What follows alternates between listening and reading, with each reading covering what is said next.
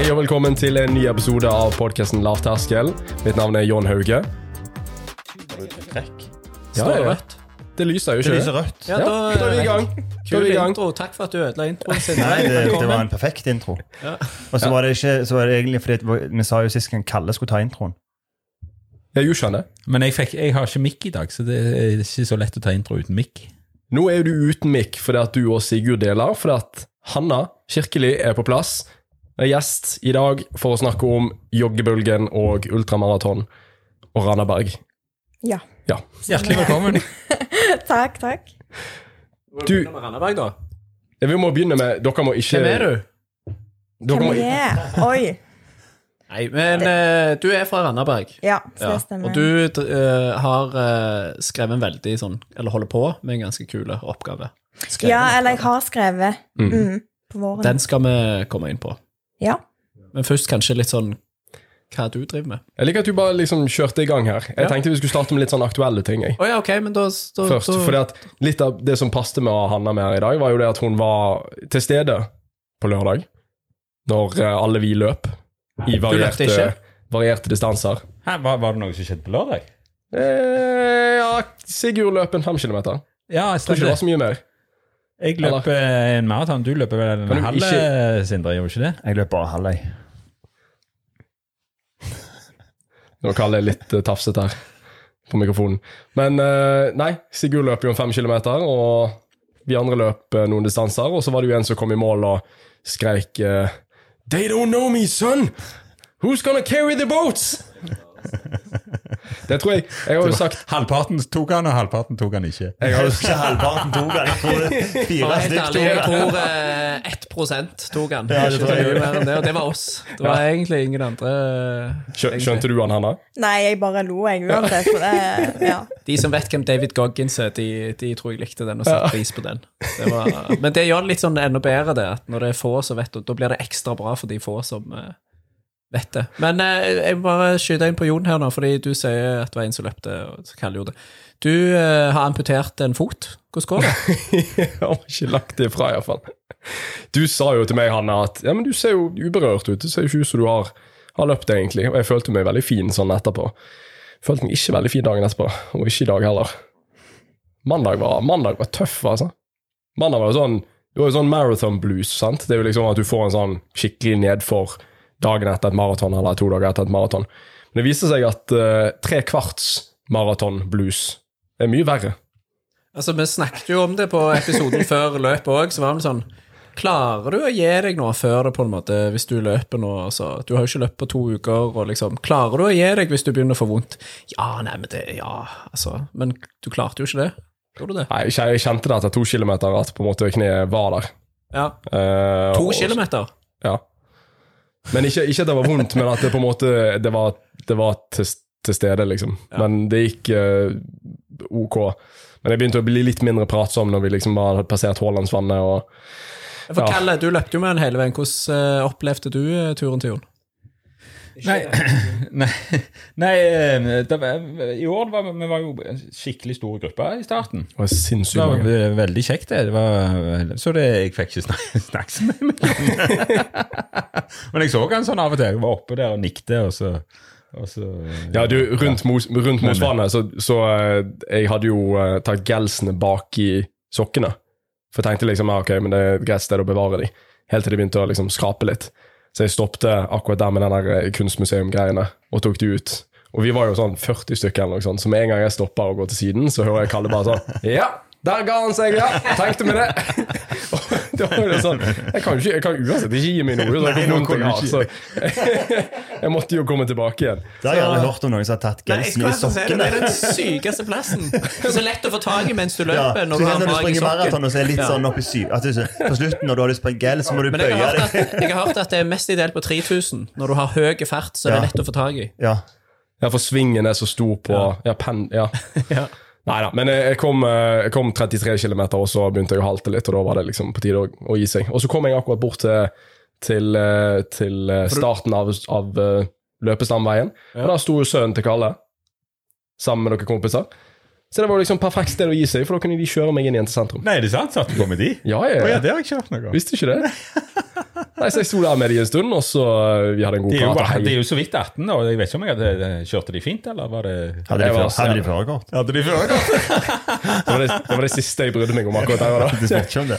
De hadde Men de kjørte ikke løpestandveien med bil? Nei, det gjorde vi ikke. Nei, men eh, Ok, nei. De tok de, Nei, men jeg kommer iallfall tilbake igjen til, til sentrum uten å måtte løpe. Så. Men det har vært vondt i etterkant. Ja. Jeg angrer på at jeg stilte opp. Ja da, det er jo lett å være etterklok. Men, Men du, for et For arrangement. et fantastisk gang. For en Du var dag. også på det, Ja, jeg så var du ikke på. det? Ja. Ja. Jeg tenkte, selv om jeg ikke sprang, så tenkte jeg at det er jo kjekt å se på løp. ja, selvfølgelig. Det, det er jo det som er kjent hele folk ja. og god stemme. Ja, så jeg måtte se på. For det, Jeg, eh, ja. nei, jeg møtte jo deg, for du hadde jo hva var det, søsteren din og broren din. Og Ja. de løp? Ja. Og de hadde jo startnummer, men du var sånn åh, jeg var for seint ute, det var fullbooka. Så sa, så sa jeg til deg ja, du kunne ikke løpe for siden av de uten startnummer. Og da Det virker som du ikke hadde tenkt på det. Nei, jeg, jeg, tro, jeg tenkte at eh, det er sikkert ikke lov å hive seg inn i løypa. For jeg har, jeg har tenkt på det tidligere i andre løp, at det kunne bare vært med noen. Men så har de vært litt strenge på det før. Men eh, altså Hvis jeg skulle vært med, så hadde vi fått sprunget med søstera mi. Ja. For eh, ja I motsetning til andre så tenkte jeg at det, det kan være jeg skader meg litt mer nå hvis jeg er med. så jeg tenkte det er best å la være. Hva mener du da? For søsteren din sprang halvmaraton, sant? Ja. Og så broren din sprang helmaraton. Han Eller? sprang helmaraton. Ja. Han endte opp som fartsholder han, Ja. midt under løpet. På 3.30? Var det? Ja. ja. Og ja, Var det han som måtte ta over den eh, 330? Var det? Ja, En som fikk litt dårlig mage. Ja, ja, ja. Takker, det kan jo skje, det. Ja, Selv om du er ja. så kan det skje. Men det var jo kjempesporty gjort av han. å Ja. Så ja. det var jo folk på bildene, så ser du jo at det er folk med han inn til mål. Ja, jeg Ja. synes det var, det var ganske godt gjort. For han tenkte jo at det, nå vil han under 3.30, så, så, så tenkte jeg ja, men er det irriterende da at du heller måtte ha fartsholder? Så sa han men han bryr seg ikke. Han synes jo bare han driter i tida. Så det var jo ja, kult, syns Det er jo jeg. sånn som dere har snakket om, dere som har vært fartsholder mye. Du får jo en kjempegod følelse av å være fartsholder. Hjelpe andre folk eh, inn, på en måte. Han fikk gjerne litt ekstra drive av det òg, for så vidt. Ja, det kan veldig godt av. Ja, for du hadde jo en svær gruppe med deg, Sindre. Ja, det var en skikkelig bra Det var en helt fantastisk dag. Det, var, det, det som er greia da med å være fartsholder, er jo at du, du stiller jo et, Du er jo med et løp, liksom. Du får startnummer, og du får liksom det der litt sånn løpsadrenalinet. Men så går du ut og springer i en veldig behagelig fart. Så jeg eh, sånn, altså jeg har hatt Det er sprung... ikke Solastrand barbeint på rundt fire blankt. Nei det, det, nei, det er noe helt annet. Men, men tingen er jo at eh, 1,30 for meg koster jo ikke veldig mye. Og det er desidert den beste dagen jeg har hatt som fartsholder. Det var, det var, altså, forhold. det var sykt bra forhold, og jeg, det kosta meg minimalt å gjøre den jobben. Eh, og andre ganger på trikjørs, da blåst og sånn, så, så har jeg jo kjent på at jeg må jobbe litt mer. Men eh, på lørdag var det Altså, det var helt eh, rått. eh, og Du var helt Det- euforisk når jeg møtte deg òg, egentlig. ja, og det, og det liksom også hjelpe folk liksom, til å klare eh, Og det er jo mange som stikker fra og klarer å komme altså, Som ligger i fartsalderen og har et veldig fint eh, progressivt eh, løp og ender opp å springe på 1.26,27. Men det er også de, der, de, de som kom inn liksom på 1.29,50 det er sånn, her, det, Jeg har ei venninne som heter Tone, som, kom, som sprang med meg hele Ja, løpet, og som måtte slippe eh, med felleskjøpet. Ja.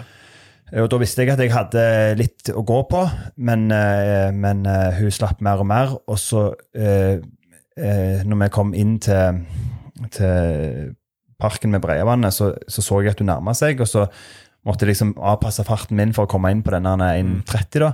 Og så akkurat på oppløpet så tar hun meg igjen, og så klarer jeg liksom å pushe henne eller, ja, liksom opp på, til mål, og så hun sprang på 1,29,49.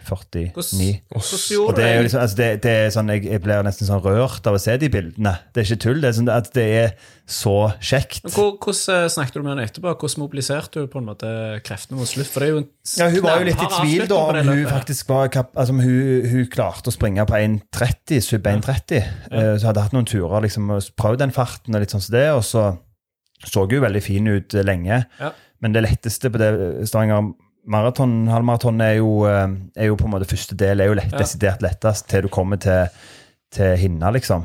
Nei, for det, det som du sier, Hvis hun slapper Sykt imponerende. Hvis hun, for det, den avslutninga er altså så tung. Ja, ja. Den bakken der, bak politistasjonen.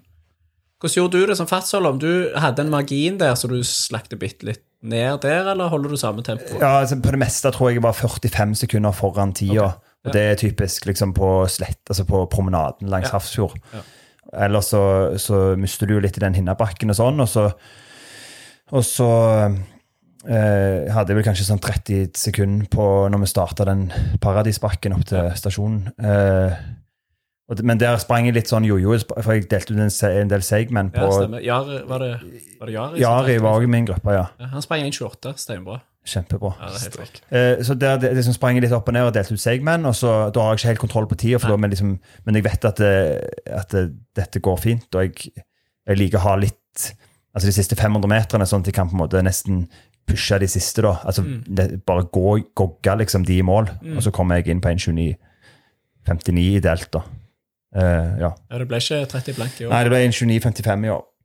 Men det er jo vanskelig tima helt sånn perfekt, da. Men det var jo et sånn litt sånn eh, For å ta det, det var jo et litt sånn dramatisk altså, det, var, det skjedde litt underveis i løpet. Ja, det det. For det første så fikk vi en sånn en, eh, en bil som begynte å rygge opp gjennom denne smale traseen eh, når du kommer der som de bygger på motorveien eh, s- eh, mot- Smedvik-bygget. Nei, bygger, altså, altså når du tar opp, opp bakken til Hinna, Gravlund, På sida av gravlunden, ja. ja, så er det en smal passasje liksom, før du kommer opp på den brede veien.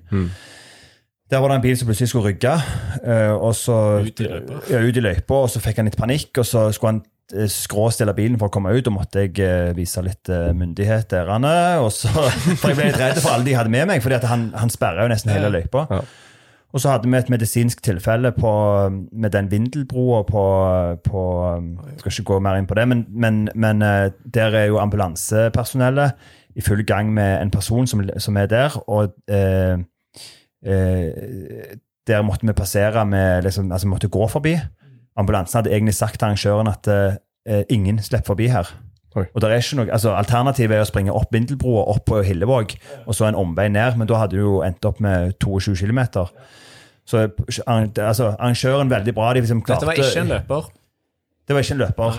Eh, så, det, så dette på en måte skjedde underveis i dette løpet.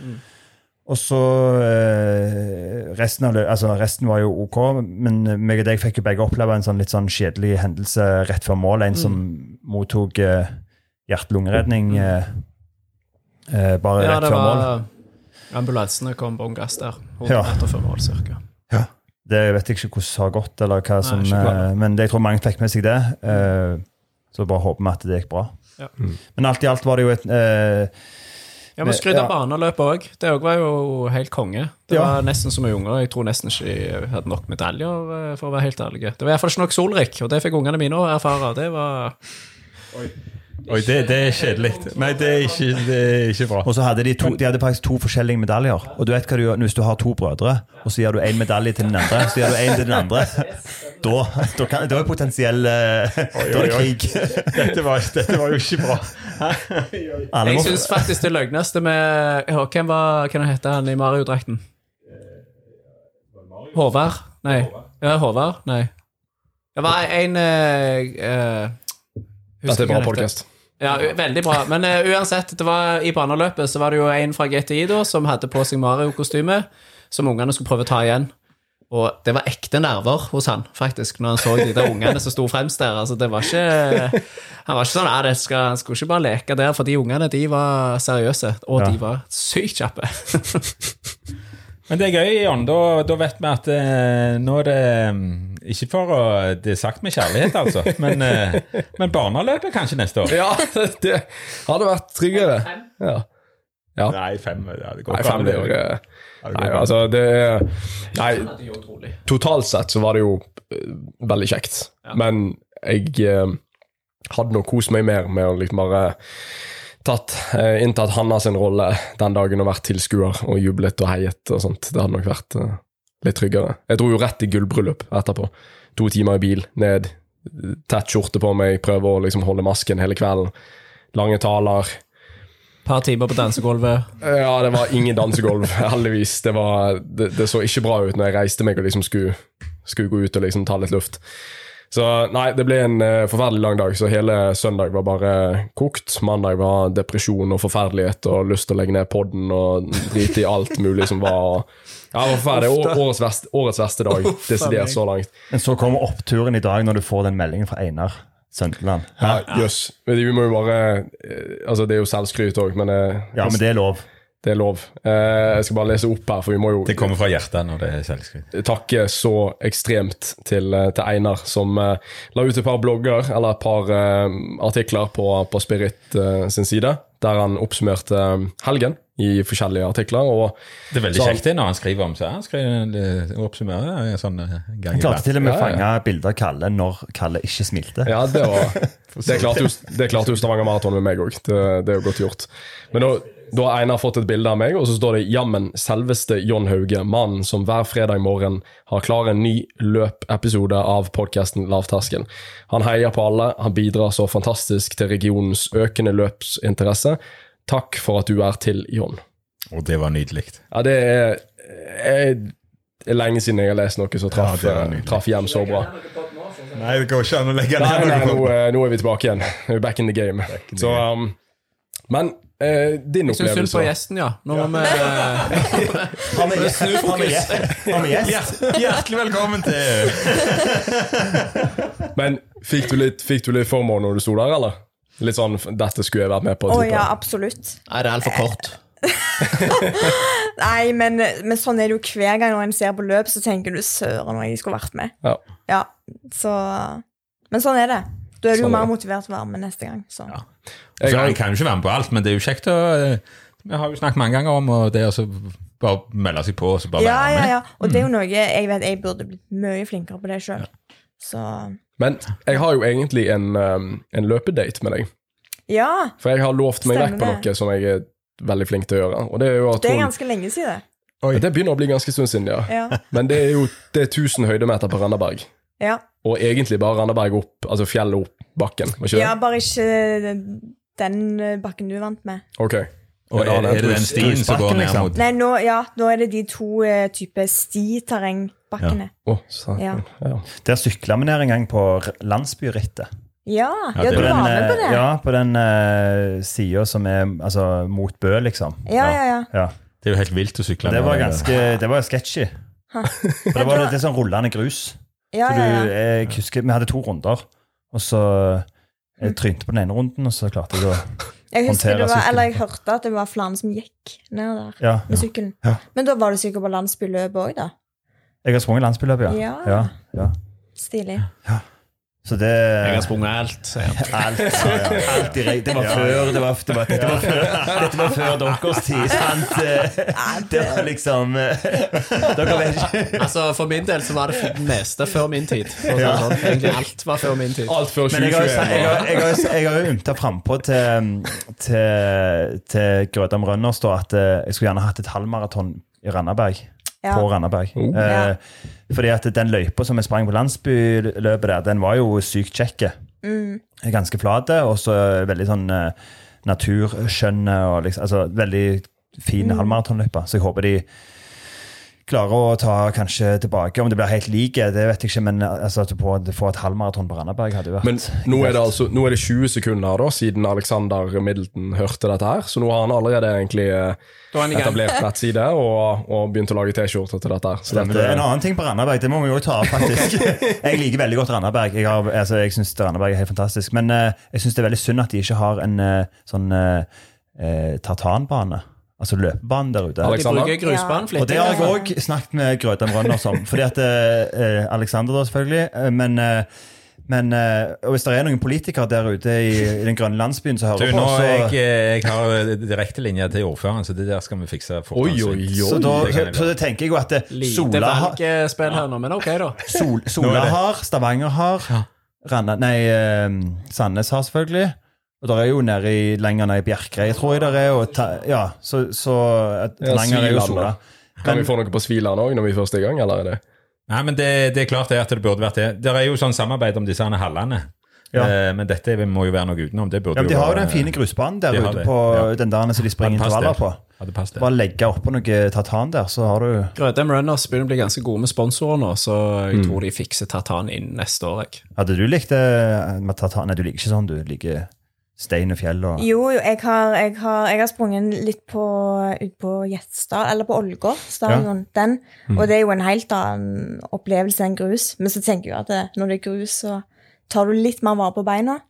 Ja, Men det hadde ja. vært veldig kjekt, så slipper du putter Ja, for det er egentlig det som er drit med og grus. så- Ja, og så blir jo, iallfall jeg, når jeg har korte bein, så blir jeg jo, jeg blir jo gjørmet opp gjennom hele beina etter trening. Så det Men eh, apropos uh, Randaberg, de har jo fått hva er Han er internasjonalt godkjent nå, den 10 km, altså Ja. PB-mila. Yes. Og i dag er det 30 dager til, så folk må bare melde seg på. Sigurd 15. 15 avslag. Sigurd Det er gøy. Det, det er så gøy. Hvis jeg noen gang har kommet, kommet til å havne i den situasjonen at jeg har en sånn en eh, promokode til noe Kalle tror jeg det går. 69? Ja, men, Å, nei. men nå må du, du. Men Hanna, du, er- du, du, du er 24 år Ja. ja, og født og vokst opp på Randaberg. Yes. Og du bor der ennå. Ja. Ja. Og du er med i eh, Grødem Rønners. ja, det er jeg. Og du jobber med Du jobber hardt nå, Kalle. Ja, jeg, jobber, jeg, jeg er student, så jeg, Du er jobber, student? med, Ja. jeg, jeg jobber med å lese. Ja, ja, ja det er en kjempejobb, det. Kjempejobb, det. Men jeg, jeg har sett jeg så deg ute på uh, Sandnes Ultra.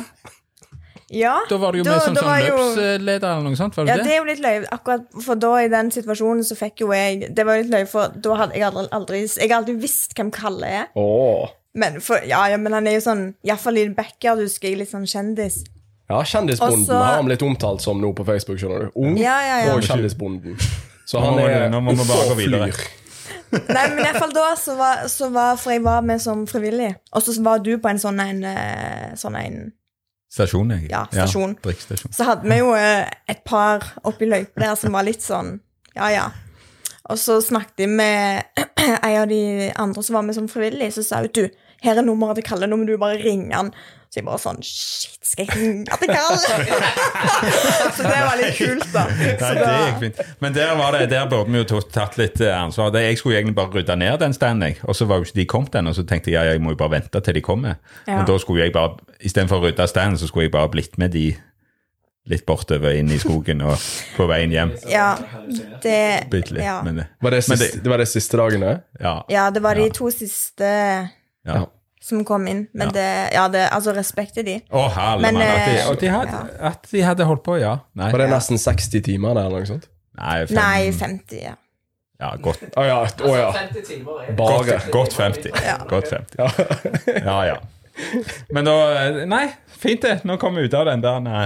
Men skal, skal du være med på Sandnes Ultra neste år? Eller skal du være frivillig, eller skal du har, I år så har jeg egentlig veldig lyst til å være med. Og iallfall når eh, det tok jo av i det der Det er en stund siden, men i kommentarfeltet til Alex Stemmer det? Når plutselig hele Det kommer jo en gjeng med Grødem der som har lyst til å springe 50 miles, så da litt sånn Fytti grisen, hvis vi er mange fra en klubb, så kan da Skulle ikke alle melde seg på på kvelden etter Amsterdam? eh? Jo, jo, når de, jo, jo. Jo.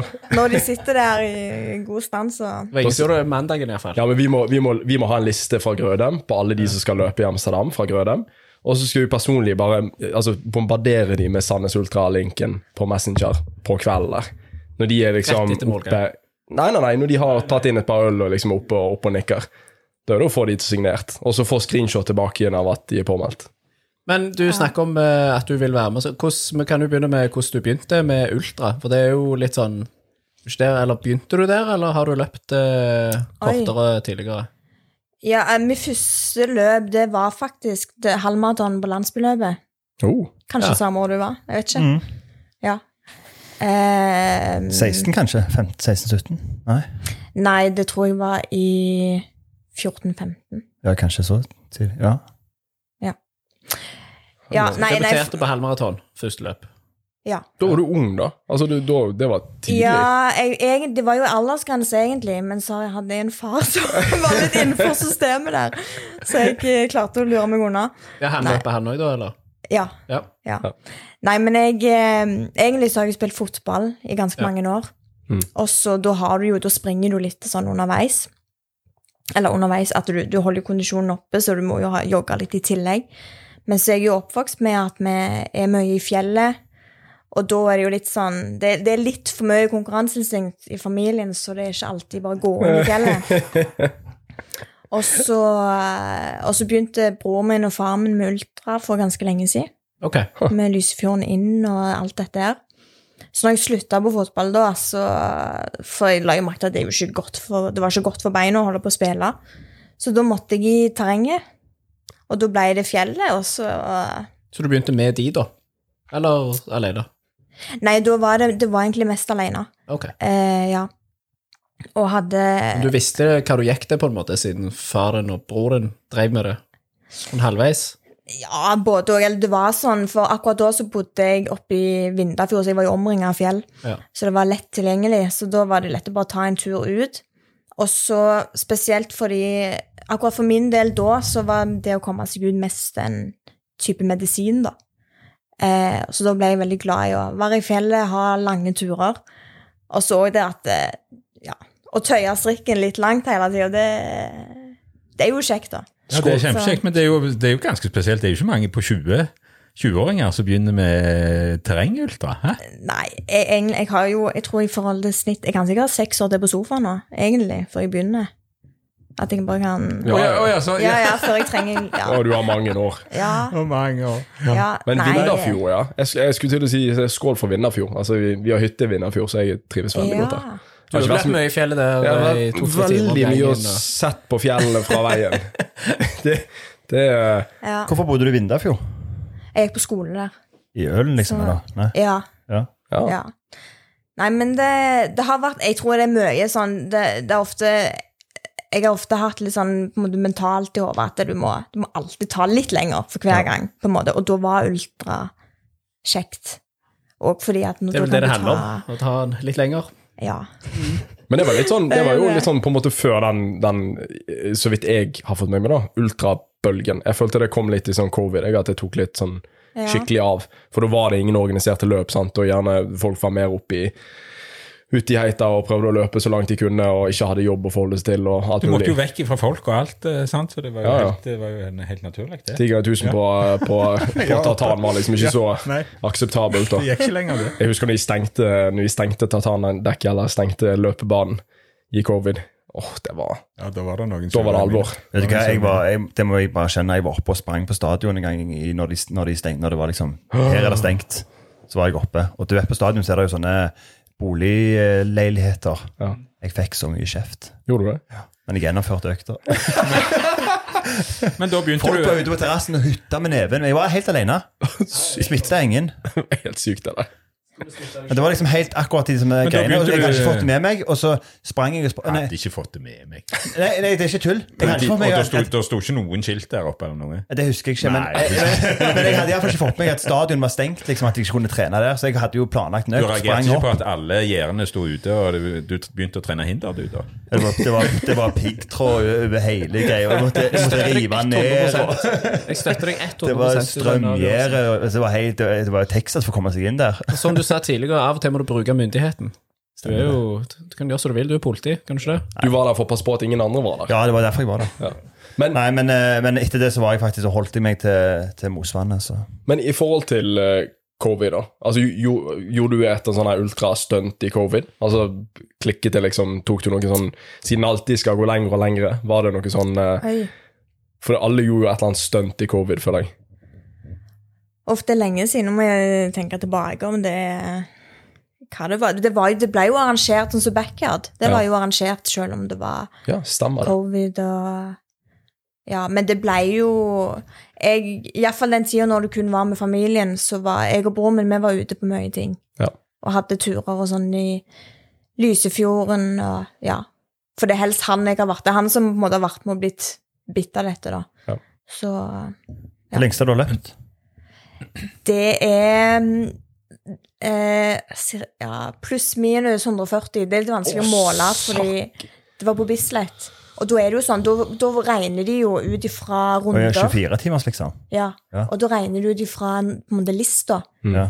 Men så er det jo, du må jo passere folk i andre og tredje felt. Ja. Og når du holder på i ganske mange timer, så får du litt ekstra. Så det Du løper ja. fem-seks kilometer fort ekstra der, altså. ja. Så det Shit, var du med på, Har du vært med på det der Bislett 24? Ja, det er Jeg kjekkeste skjønner du løpet, ikke liker faktisk. tartan, for å være helt ærlig. 24 timer det har ikke jeg likt deg heller. Ja, Hvorfor har ikke du gjort ja. det, Kalle? Nei, jo, kanskje det. Men uh, var det kjekt?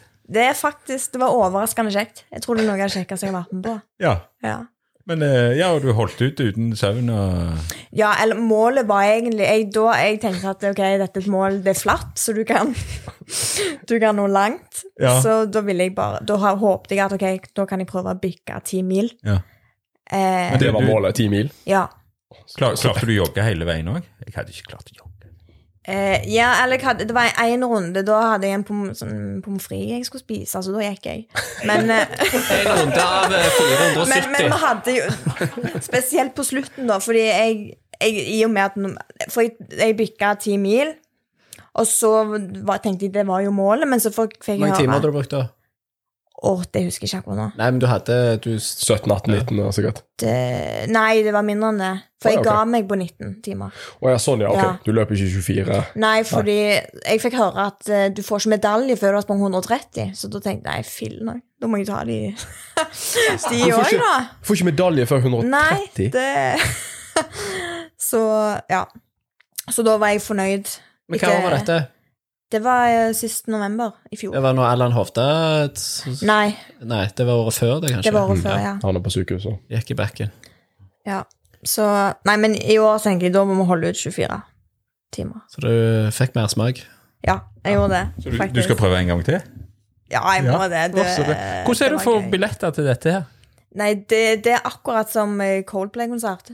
Du må sitte klar. Ja, det, ja, det, Ja, for det ble utsolgt på to timer. ja. Så nå er jo ventelista Ja. ganske lang. Ja. Mm. Og hvor mange tar de inn? 200-300? Nei. De tar inn 170 cirka. Å ja, ikke mer enn det.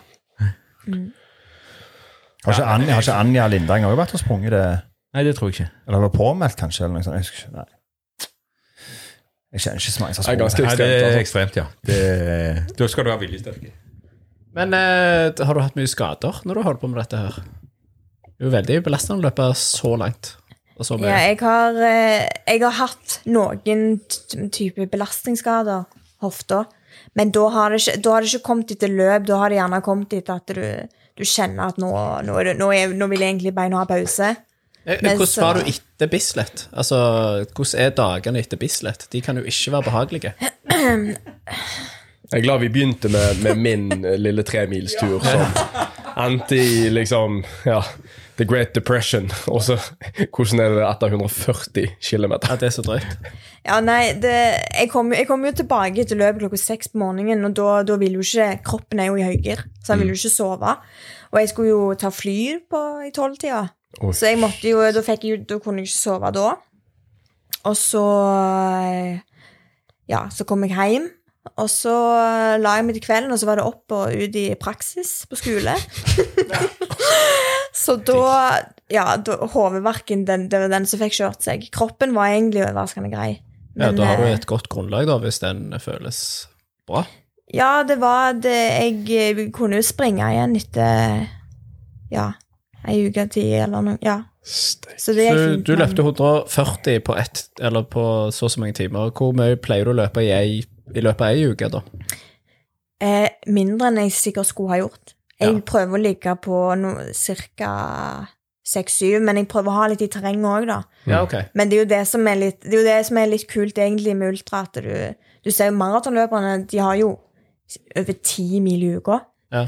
Um, men er det, jo, det, er jo, det er jo i hodet det sitter. Ja, men jeg skulle si det ganske på Hvis du har da du løper liksom halve ukesvolumet ditt er halvparten av det du løpte på ett døgn, Ja.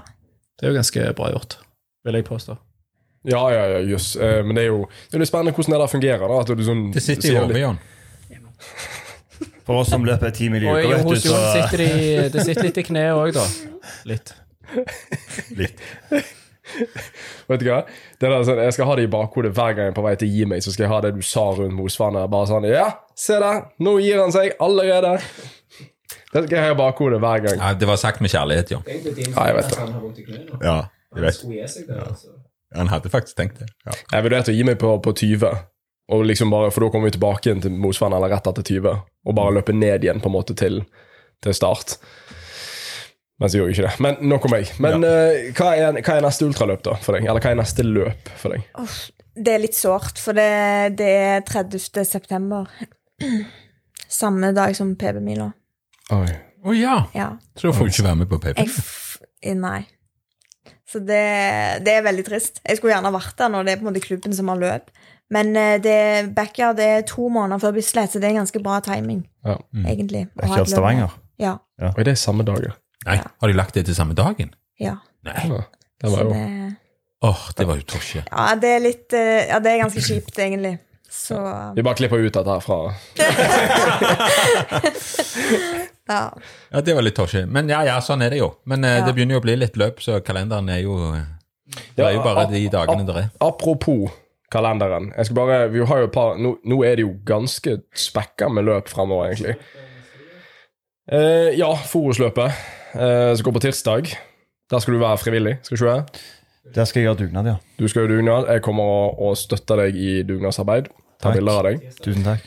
Eh, ja. Ta, med, ta masse bilder av meg da, når jeg, har- når jeg har sånn vest på meg når jeg har dugnad, og så tar du, glemmer du alt annet.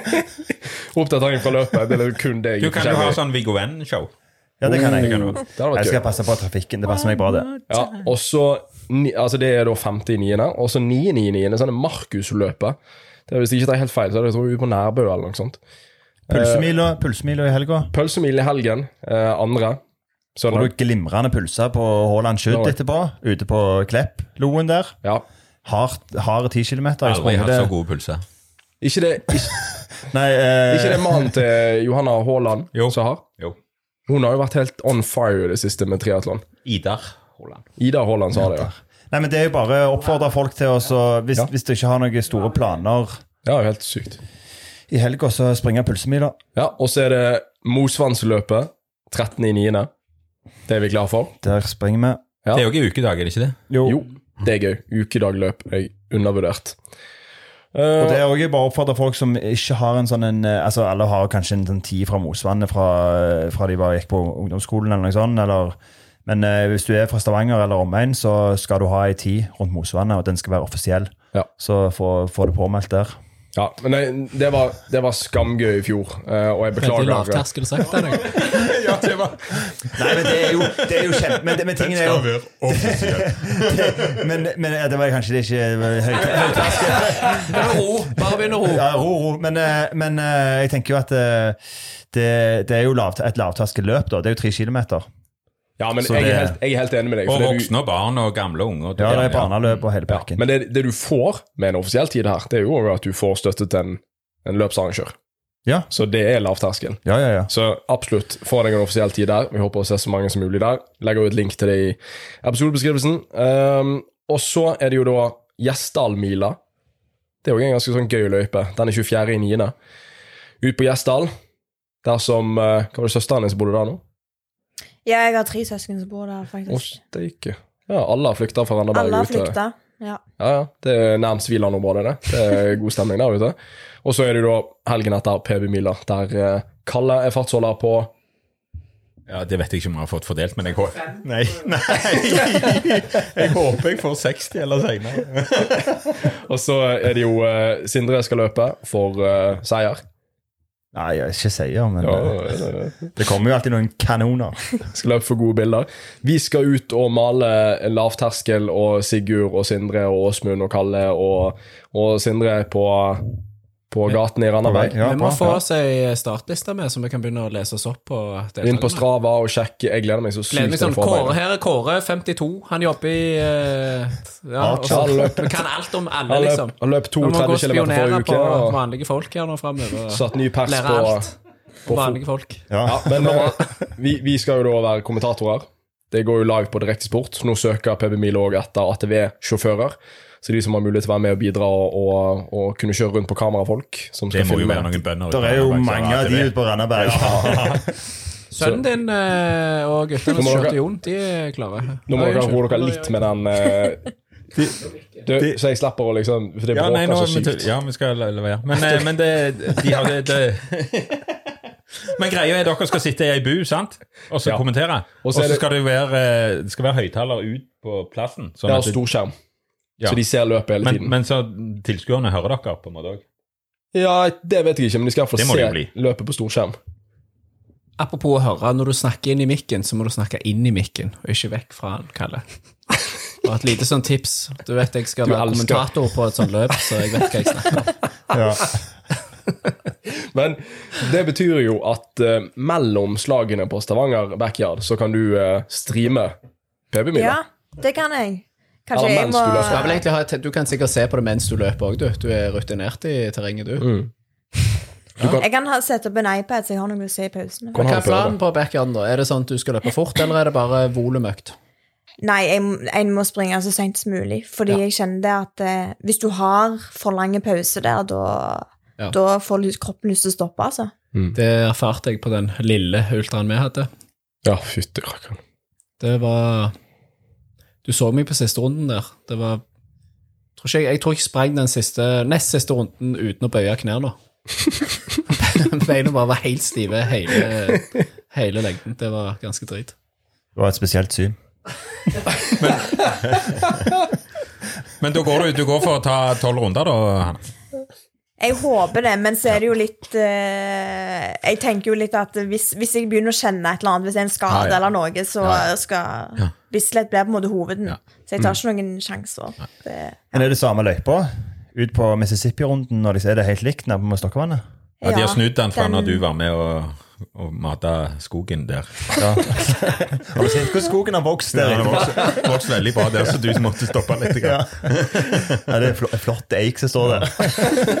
Nei, det var, det var- synd jeg hadde det, For det, er veldig kjekt, det der backyard-løpet, altså. Det, Ja, det, det er er noe som passer mitt hjerte godt, altså. Det er koselig inne på låven der og ja, Ja. ja, ja.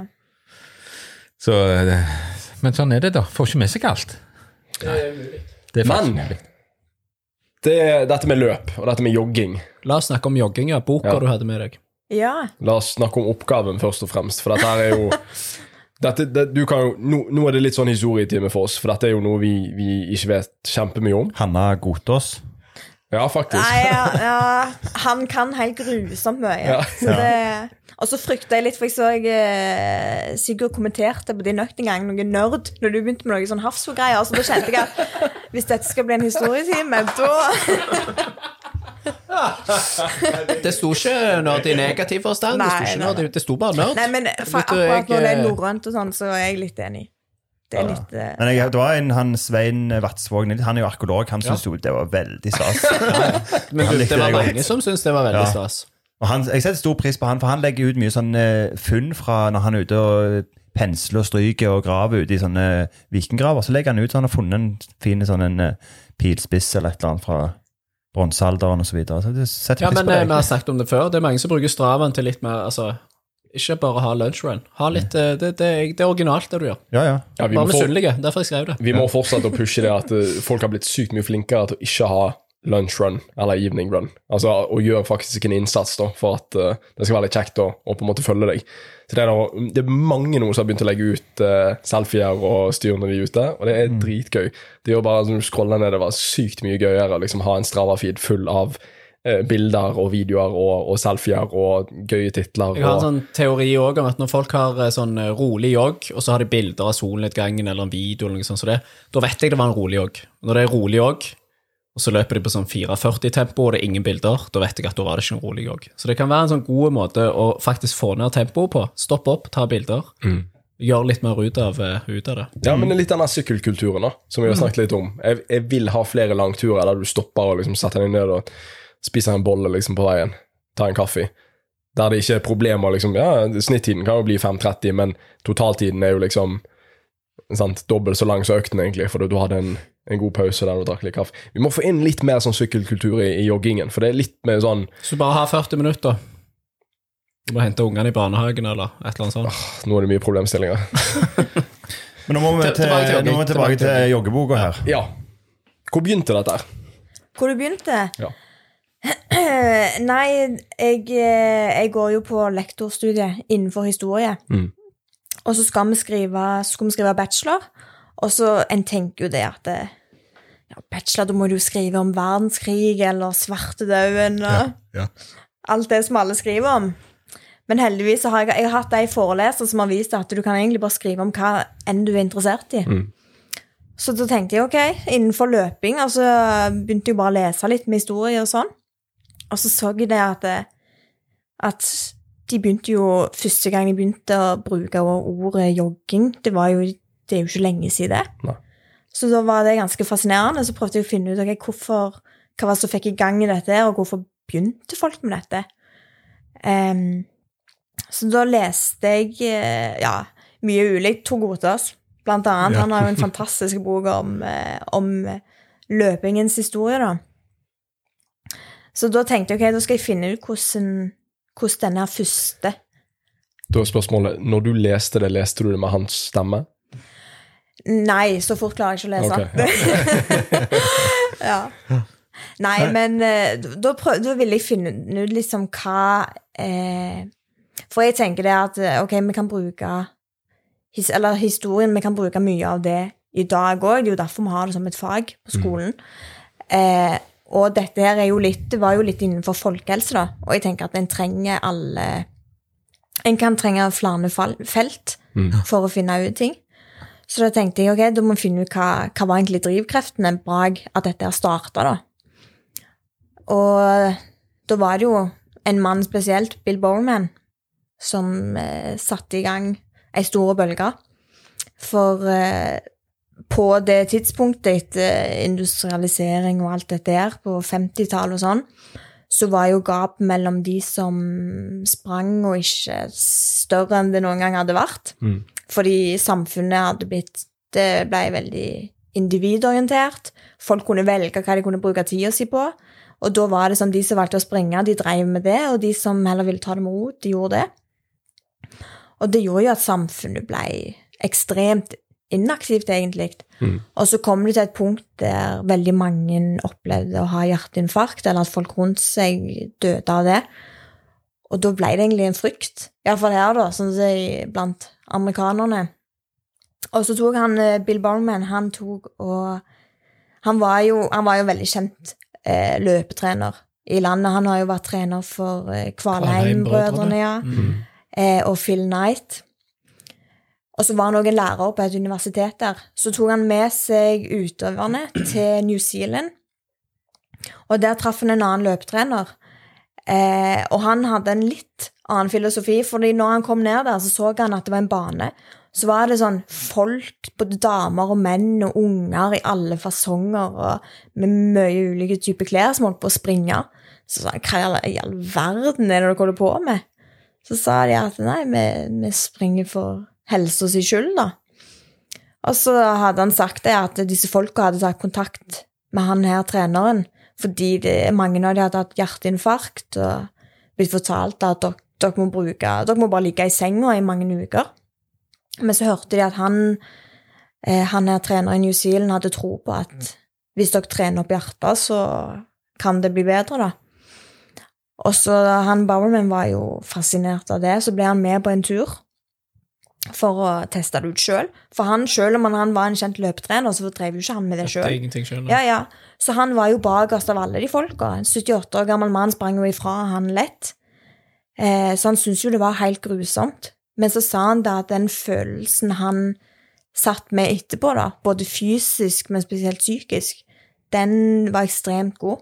Så mens de var der nede, så holdt han på å ble, var med på dette her greiene som de holdt på med. Og da var det jo sånn Han sa det at ja, de kalte det for jogging. Blanding mellom å gå og springe. Og, ja, og de dreide i tid, og de måtte ikke holde seg rundt banen og sånn.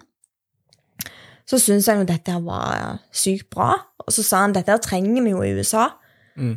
Så da når han reiste hjem igjen, så tok han og USA var vel ledende på sånne livsstilsproblemer, eller altså Ja, det kan veldig godt stemme. Ja. Tenke på, på kostholdet og fast food og den Ja. generasjonen der, så smalt det vel godt. Ja, så da tok han og eh, Da fikk han det ut i avisa at hva han hadde opplevd nede der, og sa at eh, nå må folk komme og være med på dette og teste det ut. Og han var jo en fyr folk hadde tillit til, og de var jo desperate etter et eller annet, fordi det var på en måte litt for seint. Så da hørte de på det han hadde å si. Første dagen så møtte det opp 25 stykk. Eh, og det er litt bilder fra det. De ser jo folk springer jo i skjørt og dress og innenfor lista, og det er liksom alt, alt mulig. Eh, og så får folk ganske god erfaring med det, da. Og spesielt med at de, de får komme flere og gjøre dette her sammen. Sosialt. Ja, og så begynte det å spre seg litt, og han, det kom enda mer aviser, og en måned etterpå så møtte det opp 5000 på den banen. Sykt.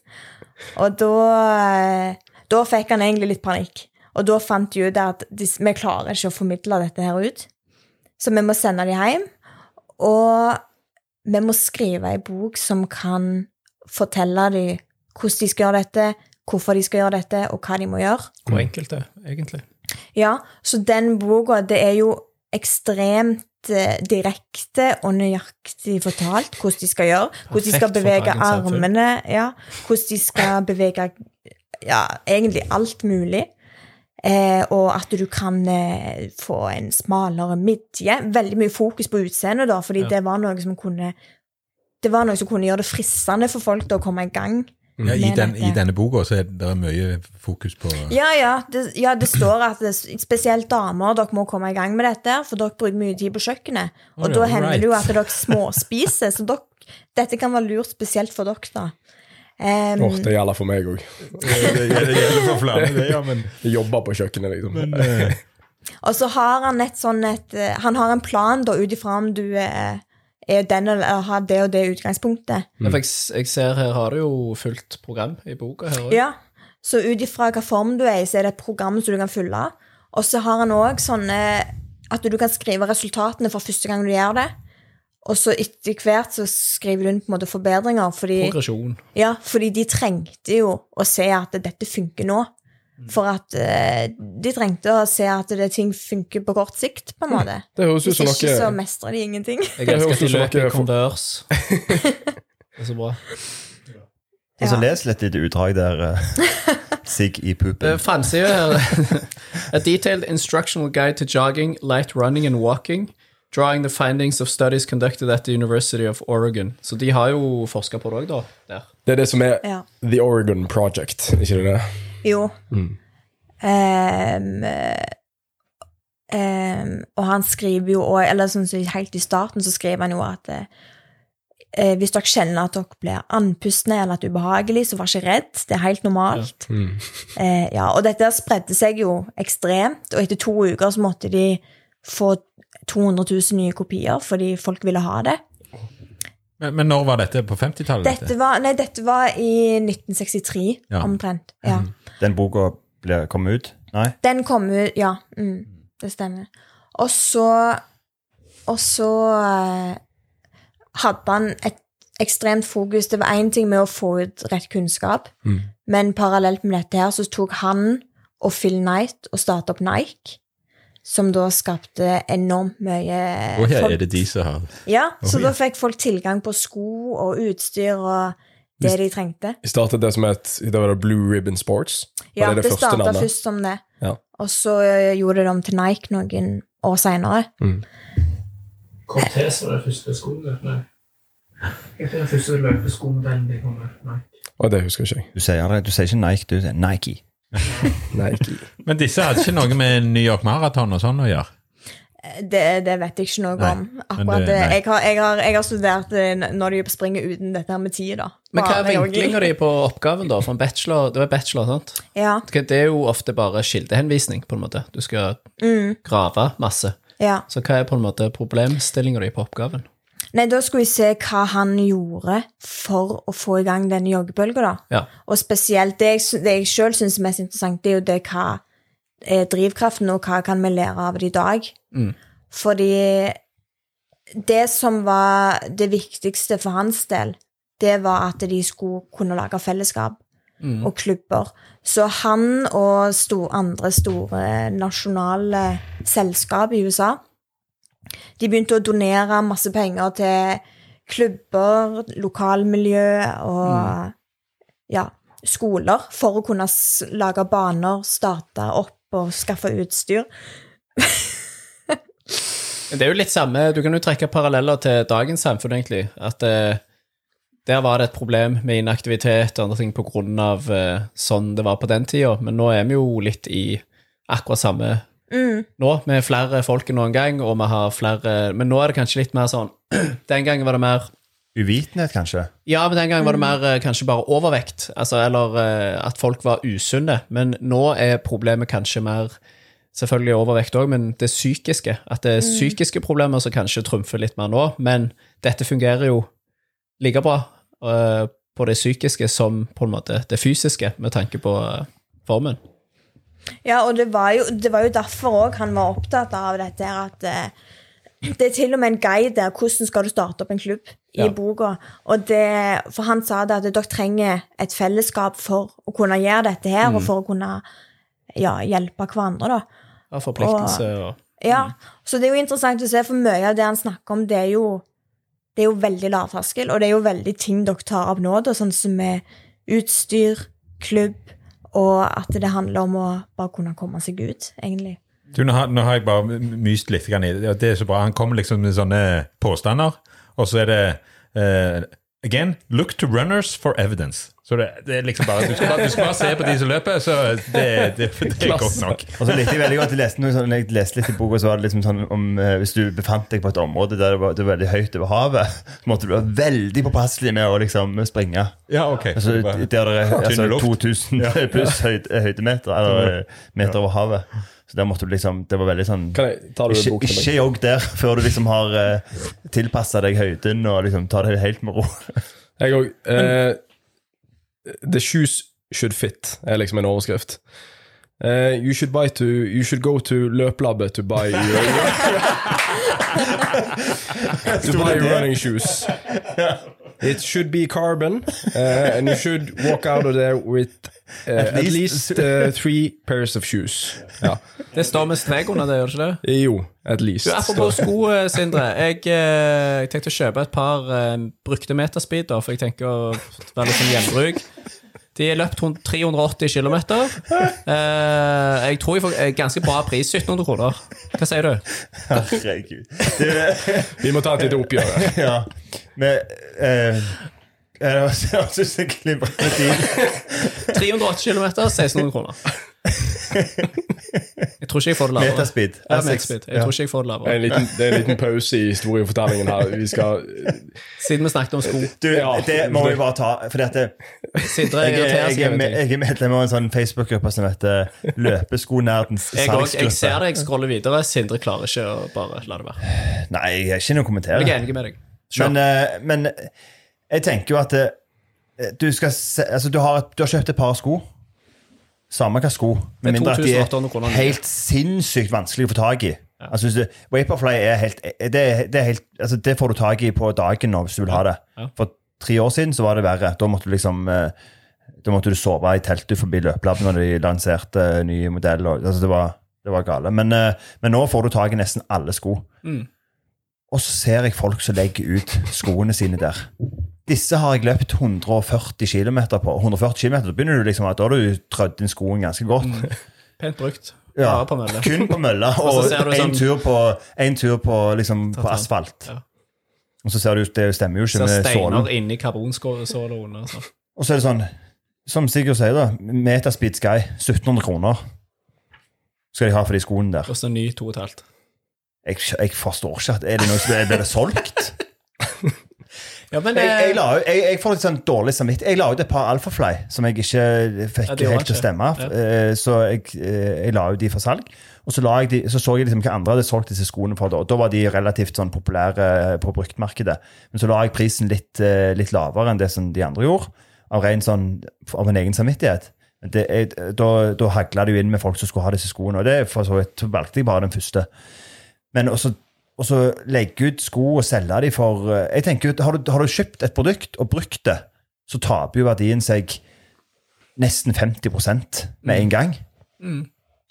Er du enig? Ja, jeg er enig. Og en annen ting òg er jo at eh, løpesko er jo De har jo på en måte en sånn bruks... Hvordan skal du vite at de er løpt 180 km med? Jeg vet at det er noen som går inn og sjekker straven til folka, fordi noen legger Men du kan jo aldri vite hvor langt Altså, de løper. tenker jo, altså, Kan det være at de har løpt 500 km og er helt ferdige, derfor de selger de? ja, jeg vil i hvert fall vært litt sånn varsom til det. Og så, er det jo noen som selger helt nye sko. Altså De har kjøpt seg et par sko, testa de, det funka ikke. De gidder ikke å returnere de, de selger de for en hundrelapp billigere, 200 kroner billigere. Og det tenker jeg det er fair. Det er helt innafor. Men sko som er brukt, og du ser er åpenbart mye brukt Men det er ikke alle ting som er brukt én gang, så taper seg 50% i verdi. Nei, nei, nei. nei, Og noen, noen taper seg jo 100% i verdi etter de har brukt én gang. Hva da? Nei, De magnumene dine, de vil ikke jeg De vil ikke jeg bruke om igjen. Nå var, vi, nå var vi litt inne på et seriøst spor her, Kalle. Vi setter pris på at Kalle 69. ja, men, men nå skal jeg, jeg skal være litt sånn Jeg, jeg meldte meg bare ut av denne gruppen. Jeg synes det ble så mye folk som prøvde å selge liksom veldig godt brukte sko til, til pokker meg nesten full pris. Og det er svindel. altså Faen heller. Det kommer å være Altså Hvis folk kjøper liksom sko som er, som er gått 200 km for 400 kroner under hva liksom fulls Det er tull og tøys. Altså, Ja, ikke Kjøp gjerne, brukte sko av sånn, Ja, ja, sånn ja, miljøhensyn Ja, men- men, men- ja, ja. men prut på de skoene er noe så vanvittig. Ja. Fordi at det, Du kjøper ikke et par Vaporfly som er gått 140 km for 2000 kroner. Nei, Det- det gjør du bare ikke. Hinsides det å bare Hva, har du innspill her? Er du, hva tenker du? Jeg, jeg vet ikke om jeg har kjøpt bruktsko sjøl, så Og som regel, de fleste skoene jeg har kjøpt, det er jo sånne som skal ha vært i gjørma, og da vil jeg ikke kjøpe de brukt, Nei, egentlig. For da er ja. Hva Nei, brukte du på Bislett? Da brukte jeg brukte kun et par. Det var Hoka Carbon X2. Carbon X2, Ja, Okay. Mm. Det var et veldig fornuftig valg, syns jeg. Ja. Ja. Ja, på en sånn lang Ja, Det tror jeg jeg hadde valgt. Nei, men eh, det er sånn, For all del det er jo alltid folk som kommer til å prøve å liksom selge ting for, for høy pris mulig. og Det, det innser vi jo eh, ikke vi klarer å stoppe. Men for alle dere som lytter på som skal kjøpe brukte sko, eh, prut som faen. Eller gå på Løplab og kjøp dere flash nye sko. For det er liksom Det er ikke Jeg forstår at ikke alle kan kjøpe seg ti par med sko, liksom, men det har ganske mye å si. Det er i hvert fall veldig kritiske til hvor mye de skoene er oppgitt godt. Ja. Altså, fordi det, det er noe med at når du altså, Når jeg drev med fotball, så dusja jeg jo med skoene mine for at de skulle passe foten min 100% Men det er noe med at når du tar på deg et par joggesko og du går ut og springer, så vil jo skoen på en måte, og sålen og alt på en måte som følger med en joggesko, vil jo tilpasse seg den brukeren sin fot. Så, og det vil jo sette seg mer og mer jo mer kilometer. Du kan tenke deg å springe en 10 km, så mange kilo som går gjennom den skoen der. Ganske stor forskjell mange, hvis mange, mange personen som selger skoene er 80 kilo eller 100 kilo òg. Ja, det er det jo òg. Det er jo et moment å ta med. Så ja. Men skal du ha sko til å male i, eller noe sånt, kjøp brukt. Helt flott. Ja, herre men, eh, Men jeg anbefaler eh, ja, hvis anbefaler der, altså. Men da Ja, fikk for- du renta fra deg. ja, vi gjør iallfall uh, Ja. litt. Men eh, tilbake igjen til eh, For det, meg og deg hadde jo en god prat om dette her eh, når vi sto på stand her med Alfatrekk og, og SIS for et par uker siden. Og da var det jo dette her med liksom, det der med løpeklubber, da, som egentlig blir nevnt her. Nå fant jeg ikke siden. Men eh, hva var på en måte innsikten deres i løpeklubber? da? Altså Litt tilbake inn til hvorfor det startet, og, og hvorfor det er relevant i dag. Ja, hvorfor han starta opp. Ja, eller hvorfor han anbefalte folk å, å starte løpeklubben? Han, han mente at eh, det når, på den tida det var for mye stillesittende jobber der folk var alene og sånn, Mm. og de måtte få med seg eh, det var vanskelig for folk å kunne gå ut. Sånn som i dag, det å møte opp alene, aldri har sprunget før. Så det når de kunne ta med seg noen og gjøre dette sammen, så får de en type eh, mestring sammen òg, da. Og så gjorde han det fordi da kunne de lage flere klubber. Ehm, og få i gang organiserte treninger. Fordi han sa at hvis dere har klubber, hvis dere har fellesskap, så er det lettere å ha en kontinuitet i det òg.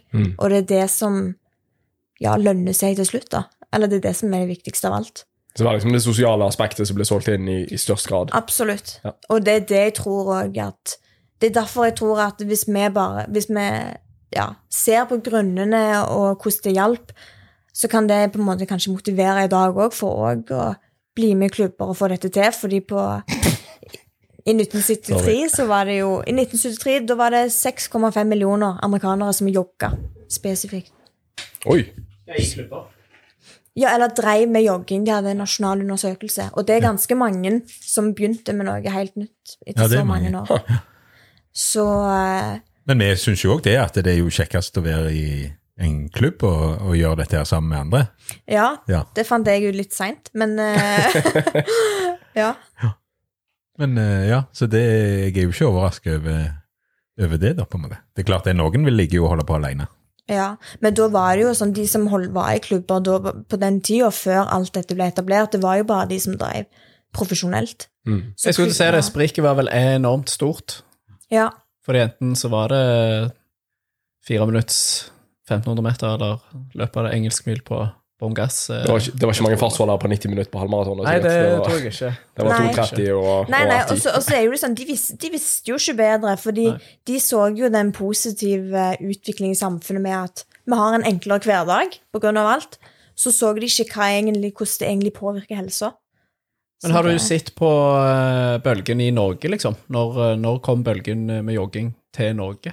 Jeg har ikke fått sett så mye på det, men jeg har sett det at når dette skjedde i USA, så spredde det seg videre til Norge med artikler der de skrev at det er en trener som har lagd dette og dette programmet, og, han, og de har fått til de Folk kjenner på en psykisk og fysisk lettelse. De har, det har gått ned antall folk som opplever hjerteinfarkt. Okay. Så vi ønsker å anbefale at folk kan starte opp med klubber i Norge òg, da. Og de kalte det, de kalte det K-jog. Jeg vet ikke helt hva det betyr, men eh, de kalte det iallfall for det. Sikkert Kval, Kvalheim. Ja, helt sikkert Kvalheim Kvalheim. Og det, det var faktisk litt kult, for Bowerman han brukte sine profesjonelle utøvere som trenere til alle disse her folka som begynte på ny, da. Sånn okay. at de Men- fikk en oppfølging. Har du, har, i, forhold til det han sa med Norge, uh, skrev, eller hadde du noe i liksom, undersøkelsen din, eller i, skrivingen av bachelorgraden, eller i selve uh, oppgaven om Johan Kagestad? Nei. Ok, for det var jo litt sånn det var jo, Jeg vet ikke om det var han som liksom står ansvarlig for å ta bølgen med til, til Norge, men han ble jo veldig raskt uh, importør av Nike-sko. Sant, Og sammen med Jeg husker ikke navnet på han andre, men, men uh, endte jo opp som ja, en av de mest suksessrike løpetrenerne i Norge. Så jeg regner med at litt av den bølgen på en måte ble dratt med, med Kaggestad. da. Uh, og tok jo, tok jo trening og aktivitet og bevegelse veldig mye med inn i, inn i jobben sin. da. mm. og gjorde jo ekstremt mye bra som fortsatt den dag i dag ikke er utnyttet i langt noe. Jeg skal bare lese det, jeg jeg veldig fascinert av mye av det som står. Bare lese det som står på baksiden.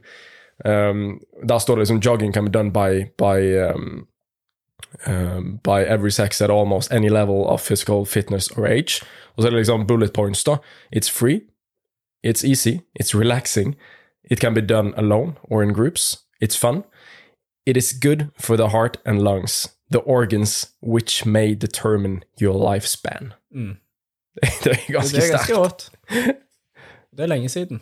Det er ganske lenge siden, og det er litt sånn Det, var mye sånn listet opp mye sånn helsefordeler og mye sånn som det der, så vekk fra det de liksom skriver om, om tynnere, tynnere waste og, og sånne type ting, så er det jo det fokuset på um, Fokus på liksom helsedelen av løping. Uh, med tanke på at Den er overrasker meg mest, egentlig. Ja, og dette, liksom, dette er hva, 60 år siden. Det er jo helt spinnvilt hvor, Ja. hvor fortsatt støkk vi er, da. Jeg syns det var overraskende hvor på en måte den tankegangen hans, hvor mye vi fortsatt prøver å ha den i dag, da. Ja. Men det er jo fordi at på den tida så var de var så desperate, fordi på en måte dødsraten av inaktivitet den ble så høy.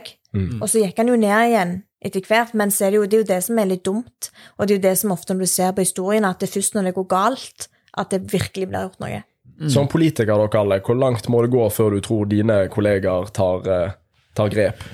For Problemet, problemet der er jo at vi sitter bare i fire år om gangen. Sant? Så det, det, det er veldig lite sånn lang eh, Ja, eller det, er- det ikke lett å tenke veldig langsiktig eh, for en politiker. Nei. Eh, og så skal du bli gjenvalgt, så da må du gjøre populære greier. Så eh, Gratis kollektiv, ja. En av de. Ja, men det er, bare, det er ikke så verst. Penger til barneidrett og sånt, det skal ikke vi ha noe av. Det skal gå rett til Men det som, er, det som er greia, er jo at når du klarer å snu tankegangen til forebygging istedenfor reparasjon, så er det jo klart at det blir både mye billigere og mye bedre for uh, menneskeheten, vil jeg si. Men, uh, Og det skrev de men det ligger, sitter langt inne, selvfølgelig. For det Ja. ja. det er jo disse tingene som eh, står i den boka for 60 år siden. Nå er det jo snudd litt mer sånn du må eh, har, Vi har jo så mye informasjon om fysisk aktivitet, hvor bra det er for helsa di. Altså både psykisk og fysisk. Men nå, nå er det jo sånn som du, Jon, har holdt på med mye. Du må overbevise folk at det er økonomisk bra, føler jeg. Fordi vi vet jo, vi vet jo alle vet jo hvor bra det er. Ja, det er ingenting å diskutere. Det er liksom, det, det er så mye artikler, det er så mye forskning som viser at det liksom, du lever lenger, du føler deg bedre, det er bra for hodet, du går ned i vekt. Alt er, det er bare positivt. Men det er liksom allikevel ikke nok til at vi i samfunnet tar det nok alvorlig, på en måte. Så da føler jeg, hvis du kan vise at en bedrift som har 1000 ansatte, kan spare 10 millioner i året Mm. på at de er aktive, da er det kanskje noen som begynner å høre litt på det. Men det som du sier, det er ikke før det går galt at du på en måte ja. Men jeg ser jo flere, det er det. jeg ser jo, jeg ser jo flere politikere som, som er med på Skal vi danse, enn som er fysisk aktive ellers. Da er de jo ikke- fysisk aktive. Det er jo ikke rart, ja, ja, men jeg tenker at det er der de er, på en måte. Men det er jo ikke rart at vi Det har er, jo, ikke det er jo beinhardt å være med på Skal vi danse. Ja, er du gal? Ja, men jeg bare tenker at det er liksom det, det sier vel sitt, da. Altså, det er ikke mange gode forbilder der ute i politikken. Kalle er jo en av de. Men det er ikke, det er ikke mange ellers jeg ser eh, er et godt eksempel på Men da Jan Bøhler han var ute og mata kilometer i var ikke, Han er jo med i Senterpartiet nå, vet du, så det, han tok til, tok til fornuft, han. Jeg heier på Erlend Svardal Bø i Høyre. Han heier jeg på. Han er min mann. All right. Han er Han er vår han er vår- drive Ja, det trodde jeg òg. Jeg trodde, ikke vi var der at vi skulle drive med sånn eh, Nei, han, er, han er vår største samarbeidspartner i forhold til, eh, i forhold til jobben mot uh, PT på økt bruk av fysisk aktivitet på grønn resept. Så det er han som står i, i fronten der. Så han uh, har min uh, stemme. Men Greia er at det, for, for politikere så må vi bare gjenta og gjenta og gjenta, og gjenta, og så til slutt så Bytter vi det ut, så må du gjenta igjen i fire Ja, ja, år. Så. men det, det er bare masing som virker.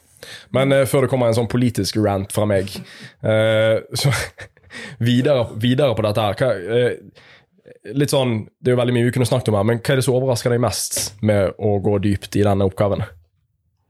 Det er at folk eh, Folk er ikke klar over at jogging er en moderne ting. Ja. Egentlig, og når vi tenker på det å jogge i dag, så tenker vi at det er en positiv ting, og det er det jo i seg sjøl. Men det er en ting som kom, kom på grunn av noe negativt. Mm. Og det er noe som vi egentlig bør tenke på, for det at jogging trengte å komme, Ja. det er en negativ ting i seg sjøl.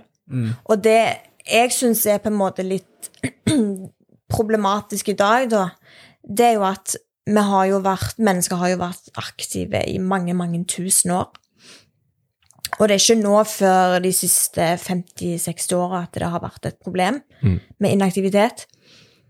Og nå har det jo blitt sånn at det å være aktive, det er ikke en del av mennesket sånn som det var før, men det er en hobby folk har på sida.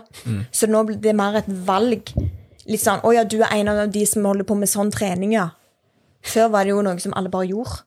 Mens Ja. nå har det bare blitt liksom en av de tingene på sida. Det er unormalt å gjøre det som før har vært normalt. Ja.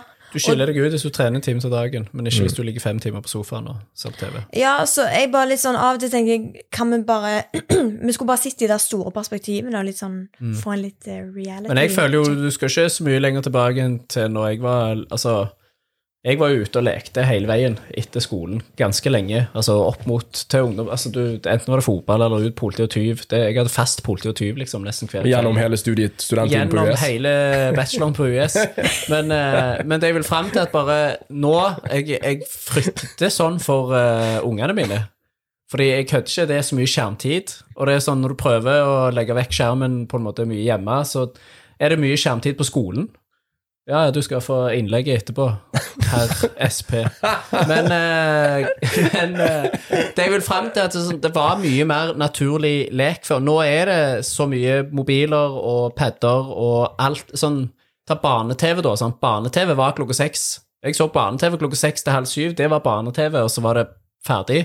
Nå er det jo barne-TV hele døgnet, hvis du bare har tilgang til det. Og de fleste har jo faktisk det. Det er jo sånn Folk jeg kjenner har unger som går i tredje klasse, som ikke går på SFO. De går hjem, og så sitter de og gamer til klokka fire når foreldrene kommer hjem, og så er det litt middag og litt sånn som det, og noen går på fritidsaktiviteter, men andre gjør det ikke. Jeg gamer mye når jeg var ungdom, men jeg har alltid vært aktiv. Men jeg eh, Nei, jeg, jeg bare føler det du sier, at folk Ja, jeg har satt Hvordan er det du sitter, Buddha? Jeg har satt meg godt til rette.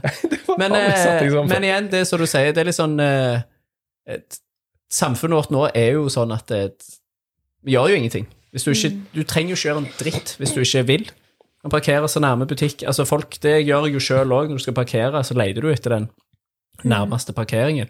Vi har folk som har meldt seg ut fra SIS sportssenter nå fordi parkeringsplassen er byggeplass nå. Så de må gå 500 meter er istedenfor at de må gå 40, sånn som de gjorde før. Det det er Så har folk meldt seg ut, for de syns det er så drit å gå 300 meter ekstra for å komme seg inn for å trene. Ja. Det er jo helt sinnssykt. Det Vær så god. Espen. Det er drøyt. At det var Sigurd 80 år, så talte han litt nå. Litt den, ja. Eh, Jeg hørte nemlig i går eh, hørte jeg om at eh, Nei, skjerm var ikke nødvendigvis bra, men, men at, at ungene De er jo veldig aktive, for det er jo veldig mange som er med på organisert idrett, f.eks. Eller organisert fri, fritids...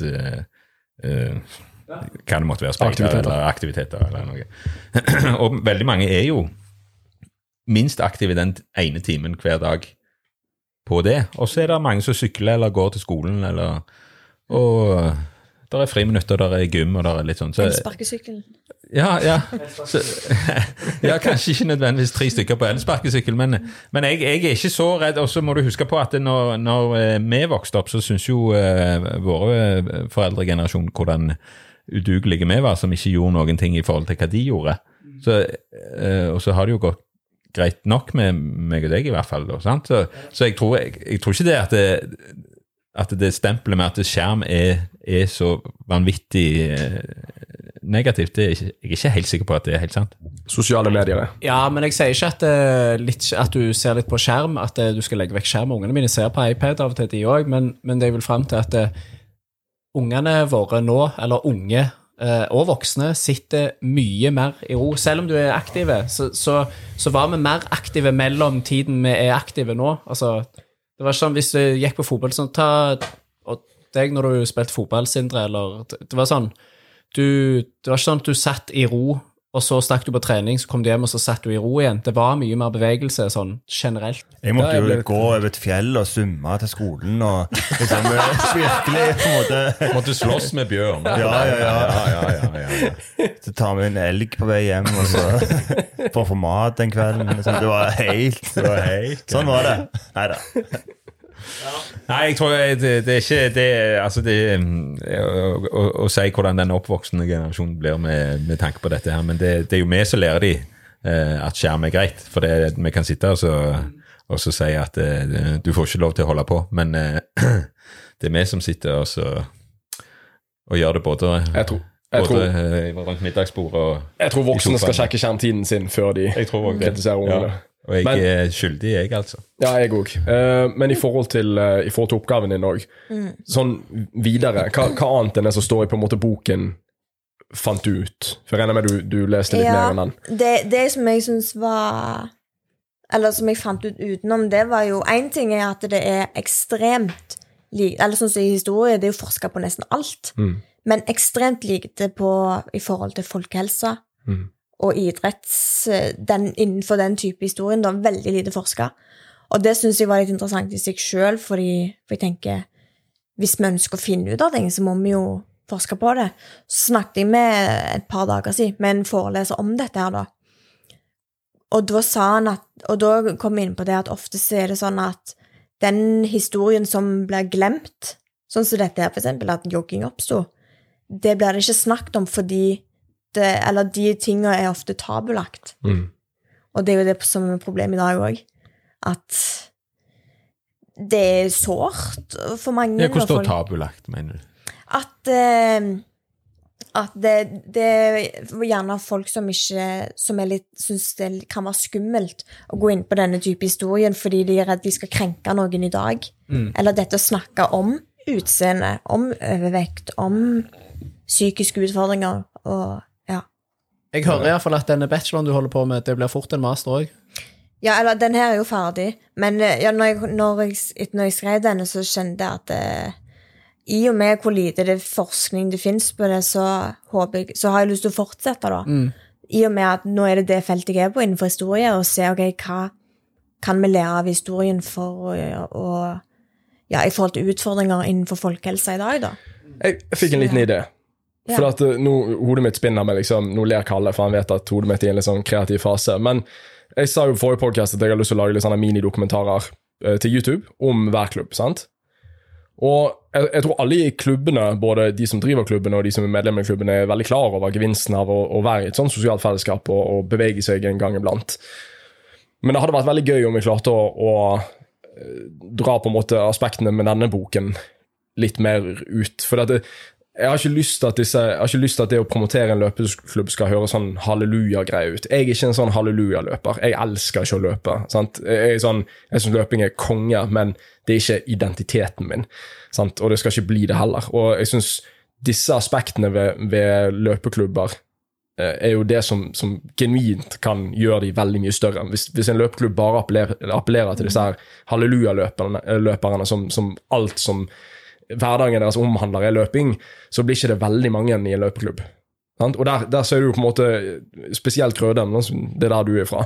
Sant? De har jo fått en, en veldig, de hadde 100 stykk på denne lavterskeltreningen. Den ble jo frontet på denne måten som ble skrevet om i boken.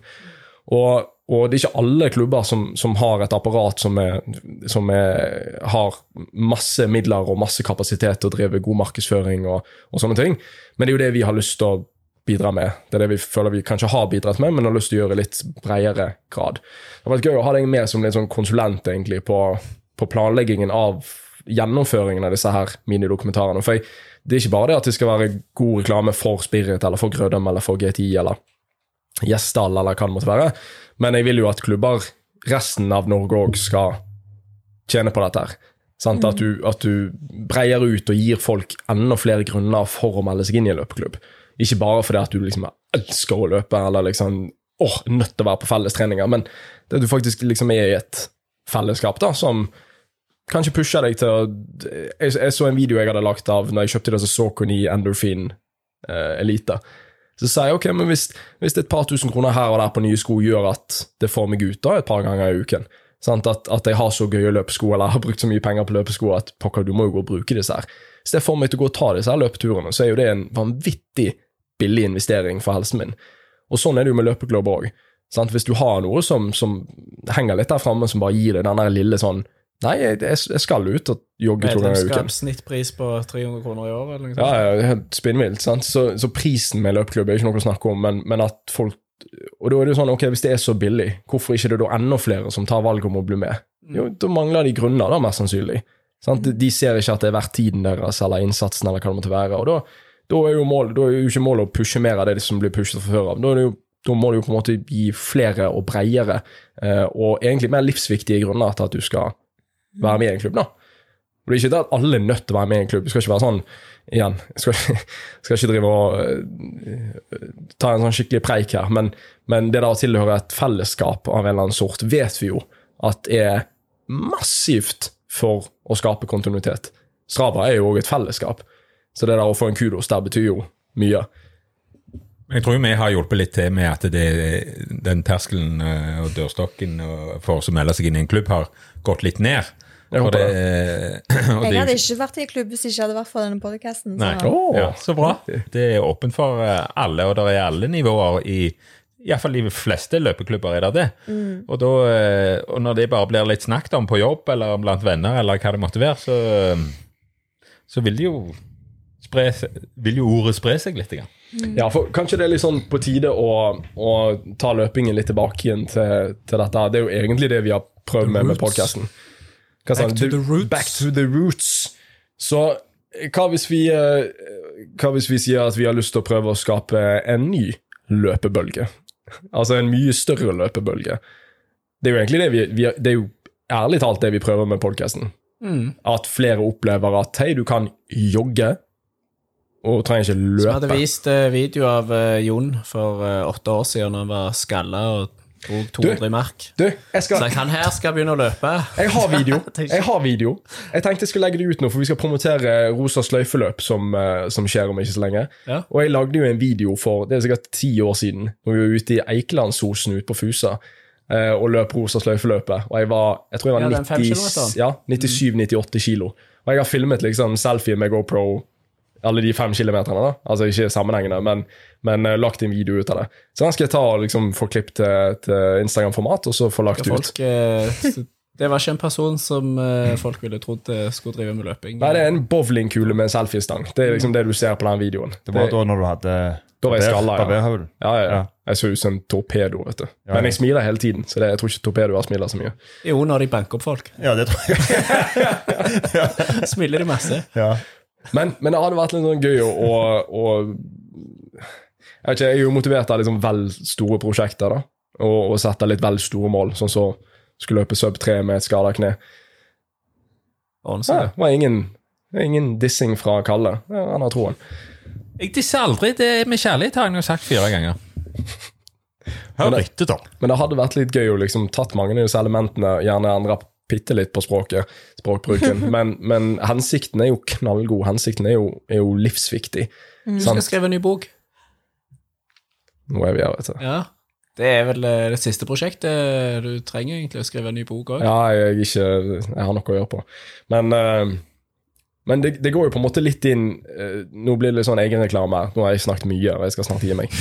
Men nå blir det litt sånn egenreklame, for jeg skulle egentlig si det litt i sted i forhold til det der å kunne gå inn på en nettside og, og få eh, treningsprogrammer som er ganske tilpassa tilpassa ditt behov og ditt erfaringsnivå, så kommer du til å få det av oss til en eh, billig sum av 175 kroner i måneden.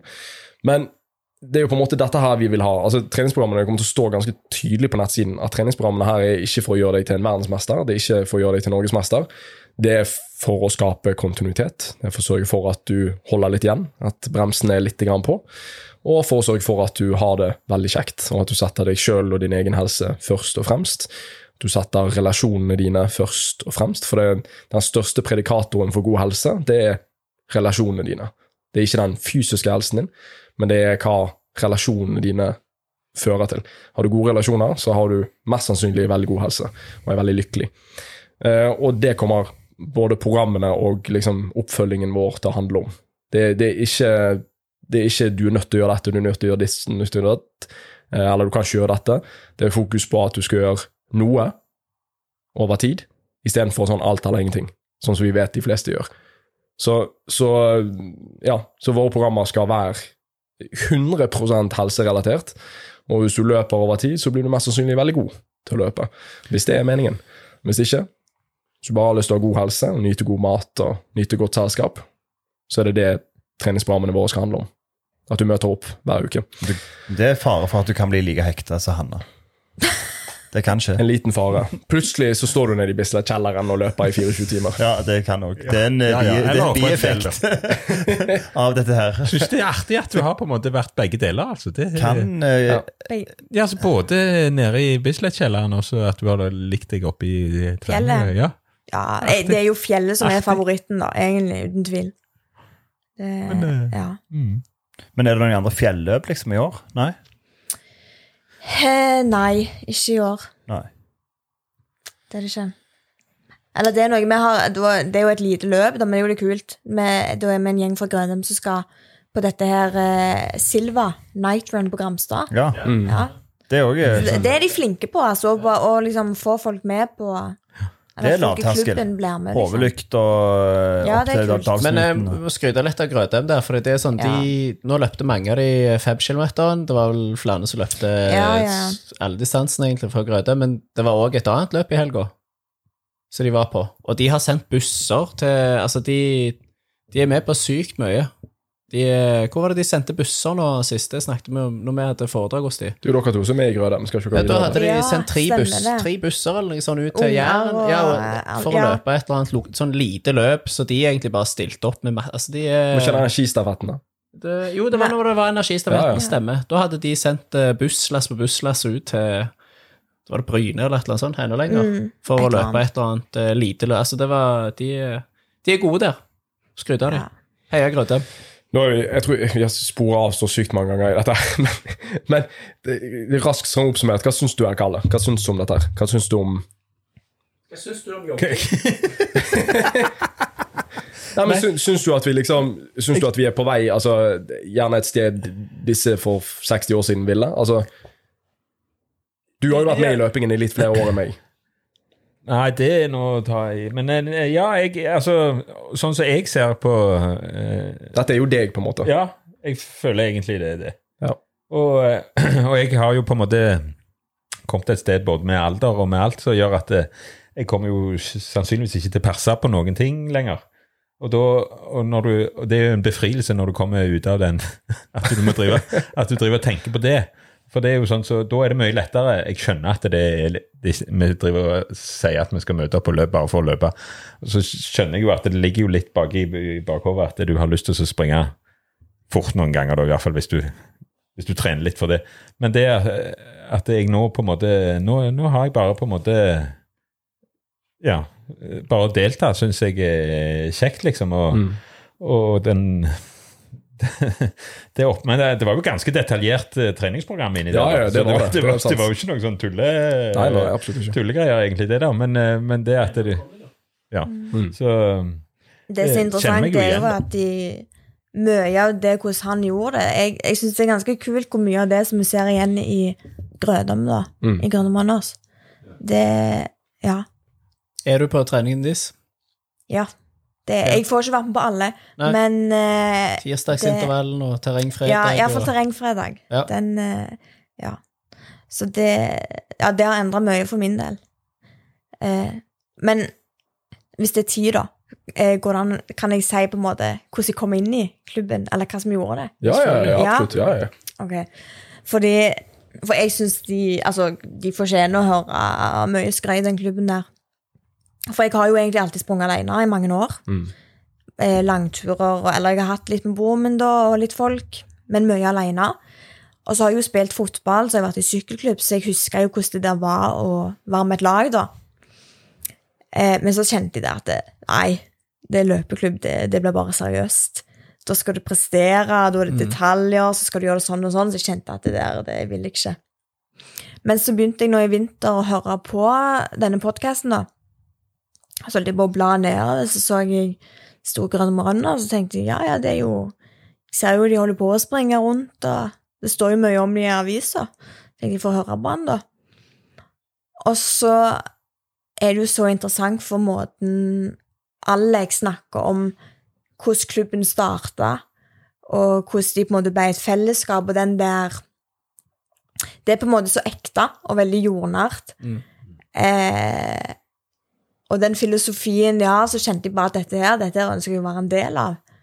For det var, det var et helt annet fokus, og de Og det er så kult hvordan de har fått det til, fordi det er sånn uansett om du springer dritraskt på halvmaraton, eller om du springer for første gang, så, så blir det på en måte Du blir sett på akkurat samme måten. Du får tilbakemeldinger på samme måten, og det er på en måte Det er veldig sånn alle kan være med, da. Og det er sånn, jeg, jeg har jo aldri sprunget intervaller, jeg har egentlig før. Men så ble jeg jo med på det, og nå er jo det noe av det jeg gleder meg mest til, fordi da skal jeg være sammen med andre. Og da Du er svett, og du er sliten, og da er du jo deg sjøl. Og du får gode samtaler med folk, og Ja. jeg likte det du sa, at det, det var ekte. Ja, Det ja, men, ja, men det er det. Og det er, jeg vet ikke hvorfor, men det er et eller annet som de har fått det med dette med lavterskel. For jeg ser spesielt når vi er på disse fredagsturene langs kysten, så er det jo, det er jo folk fra bygda òg som holder, gå, holder på å gå tur eh, på disse plassene. Så jeg har lagt merke til det at eh, For Idar, han er jo som oftest med. Og han pleier alltid å ha en sånn kommentar til de som kommer forbi, at eh, ja, ja, det er bare å hive seg på. Det er bare til å bli med. Sånn, sånn, han gjør det liksom folkelig. Det er ikke stiv i blikket og rett fram. Og, De er sykt inkluderende. ja, Og en ting som er sikkert, er, er jo at Alex og Ida de tenker jo på Grødam Rønners 24-7. Altså, Ja, de, de, kan- de, tenk, de ja, har ja, tanker ja. om det hele veien. Og så er det som du sier, at det, det, det legges på et nivå til absolutt alle. Det er ikke, de har store tanker om løp, og sånn som det, men det er ikke sånn altså, De vil at alle skal være med. Det er ikke Mm. nødvendigvis bare, å, bare at de skal ha de beste tidene og beste folka med, og sånn som det, men at det, det Ja, nei. Jeg eh, Ja, det, det er virkelig, det er virkelig sånn nivå for Mm. absolutt alle, men måten de gjør ting på, det er så gjennomført. Den der Og det er så lavterskelgruppa. Ja. det er jo beviset, liksom. Når Ja, de fikk med ja, ja. 100 personer på, på de, de treningene der, det er helt, helt rått. ja. Så det er bare til å Det er bare til å melde seg inn. Mm. ja. Helt enig. Samme med Spirit og GTI òg. Nå tar vi liksom de største, da. Og da, da det er mange andre klubber, men nevner liksom de jeg har uh, vært de Øl og Kondis, ja. Hvordan ble du medlem der, egentlig? Nei, ikke jeg heller. Det er opptakskrav. Men uh, GTI og Spirit, der, uh, det er jo òg samme greiene. Det, det ser jo sikkert veldig sånn eh, seriøst ut når du ser på et løp, og de beste liksom kommer der i oransje eller blå trøyer og springer kjempefort, men det er jo en, det er jo en skokk av folk til alle nivåer. Så bare melde seg inn og prøve å være med på trening med både Spirit og G10 og Grødem og Men, men det, og hvis du blar gjennom Jeg vet at folk ikke gidder å gjøre det, altså, men hvis du blar gjennom på en måte bilder fra Trekjør, Stavanger Maraton, sånne ting, eller Solahall Maraton, så ser du jo på en måte disse klubbtrøyene i, i hver eneste gruppe fra start til slutt. Ja. Det er liksom det, Ja. det folk i, i alle puljer. Skal bare si noe, jeg fikk eh, Jeg, jeg snakka mye med Alexander, da. Og så i sommer så fikk jeg bilde av eh, disse PB-Milo-trøyene. Disse T-skjortene som, eh, som folk får eller kan kjøpe. Og så skrev jeg bare Jeg skrev tilbake sånn Oh, holy Ja, Banor. Og så skrev jeg Banor, så kul de var. Med stor sånn hjertefjes. Og han bare ha-ha, du er jo alltid positiv. Og så det er jo fordi dere leverer gullkorn etter gullkorn. Og så fikk jeg bare liksom sånn hand uh, heart gesture tilbake igjen. Men det, det der eh, Det å se på en måte at um, Sånn som med, med Grødem, som er gjerne den nyeste klubben, at ting er, ting er veldig nytt for de òg. Og du ser at de gjør ditt etter ditt, og, og har den eh, enorme gleden av at nå fant vi på noe nytt, eller dette gjør vi for første gang, og eh, bare se at de lykkes med ting òg, da. Og der har jo på en måte alle klubbene vært òg på et tidspunkt, men uh, det har vært jæklig gøy for meg som er helt ny i løping, å følge følge det. Sant? Jeg har vært medlem i en, en klubb som heter Ostturn, eh, der som jeg er fra, og den, den er over 100 år gammel. Hele klubben, liksom. Så ingenting var jo nytt der mer. Men den, den lidenskapelige entusiasmen som ligger bak når de får til noe nytt, eller gjør noe nytt, eller fyrer på med et eller annet stunt, eller noe sånt, er jæklig gøy å følge med på. Så um, Mm. ja, hva står der borte, Sindre? Hvor lenge har vi holdt på? Nei, tre timer og 18 minutter. Nei, 1,45. Oi! Jeg tror vi kan uh, Oi, det, er fine, det er perfekt langtur. Det er en perfekt langtur, og så Ja. kan vi jo bare avslutte med det at alle som hører på, må melde seg inn i klubb. Ja, Ja. tenker jeg òg. Og lese om jogging. For det er et veldig spennende Spennende. Og sende ungene på skolen der Hanna skal jobbe, for da får du vite mye om uh, bakgrunnen for Løpehistorie. Ja. Ja, Hvor jobber du? Nei, nå, jeg studerer, men jeg er vikar på Gandal, faktisk. Gandal. Gandal. Ja. Ja. Det er farlig der. Ja, det, det er derfor jeg ikke bor der, jeg bare jobber der. Du skal redde de som jobber. Ja, det er bra, det. Ja, det var veldig kjekt, dette her. Jeg skal alltid spørre Sindre hvor jeg skal flytte. Hvor- Minst kriminalitet. Ja, du må opp her da på gården til Kalle. Det er ikke så, får, Ja, jeg- får ikke bygge her. Jeg er jo her ganske ofte, så Ja. Ja, du kan få låne sofaen her på Ja, ja, du kan få komme inn i huset òg, altså. Liksom, da, da vet du, er du venn eller god venn? Det er liksom. Så var jeg ute i huset. Kanskje jeg må ut i, i gårdstuene. Kanskje. I fjoset er det jo ledig. ja. Nei, jeg sa jo, jeg tror jeg sa til både Hanna og Kalle at jeg kom i mål, eller at jeg blir kjørt til mål i helgens Stavanger Maraton. Så sa jeg at jeg øvde egentlig på distansen til Malaga, ikke, nei, på tids, altså Ja, tiden ja, ja, jeg var ute og løp, og ikke på distansen. Så det at uh, Så da var det spot on, med andre ord. Ja, nesten. Nesten. Ja. Nei, men eh, fantastisk opplevelse. Stavanger for sikkert mange andre enn meg. Og så eh, er vi klare igjen for sykt med løp som kommer de neste ukene. Så det blir kjekt. Som perler på en snor. Og forresten Bronse til Narvik Elin Nordås. Ja, det, ikke bedre fryd og fred. Hvor da skreik jeg og hylte og grein og Gull til Jakob og Tour Championship til Hovland! Ja, det var bra.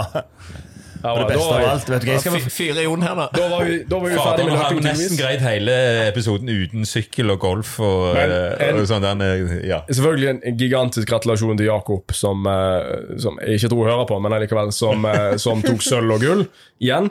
Og Narve, jeg tror Narve hører på. Hvis du hører på, et av de største idrettsøyeblikkene jeg har vært med på. Det var helt, helt, helt ellevilt å se på. Ja. Det var dritgøy. Og kommentarchatten på lavterskel etter han eh, løp i mål der, var spinnvill. ja, den var vill.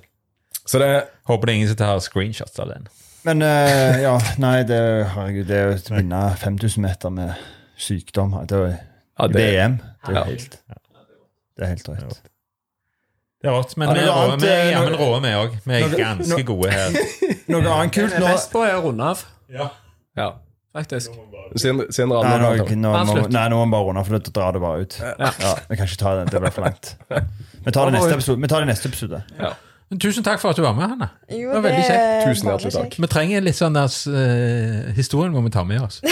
Det må vi. Og så Ja, er får vi deg forhåpentligvis litt inn som, eh, som konsulent med dette YouTube-prosjektet. Det hadde vært litt gøy. Ja, det, ja, ja, ja. Det hadde vært spennende. Bare sette meg enda mer inn i det her, da. Ja, ja, men det, det hadde vært litt, eh, det hadde Og vært litt lykke til på. Bislett i år. Takk. Ja. Det trenger jeg, tror jeg. Og lykke til på Stavanger Backyard eh, mens du løper med PB-miler og meg og Sigurd på Ja, jeg skal gjøre alt jeg kan for å rekke slutten av oktoberfesten etterpå. Ja, Så bra. eh, Det er vel egentlig det viktigste. Okay. Ja, men Nydelig. Tusen takk for oss. Ha det bra.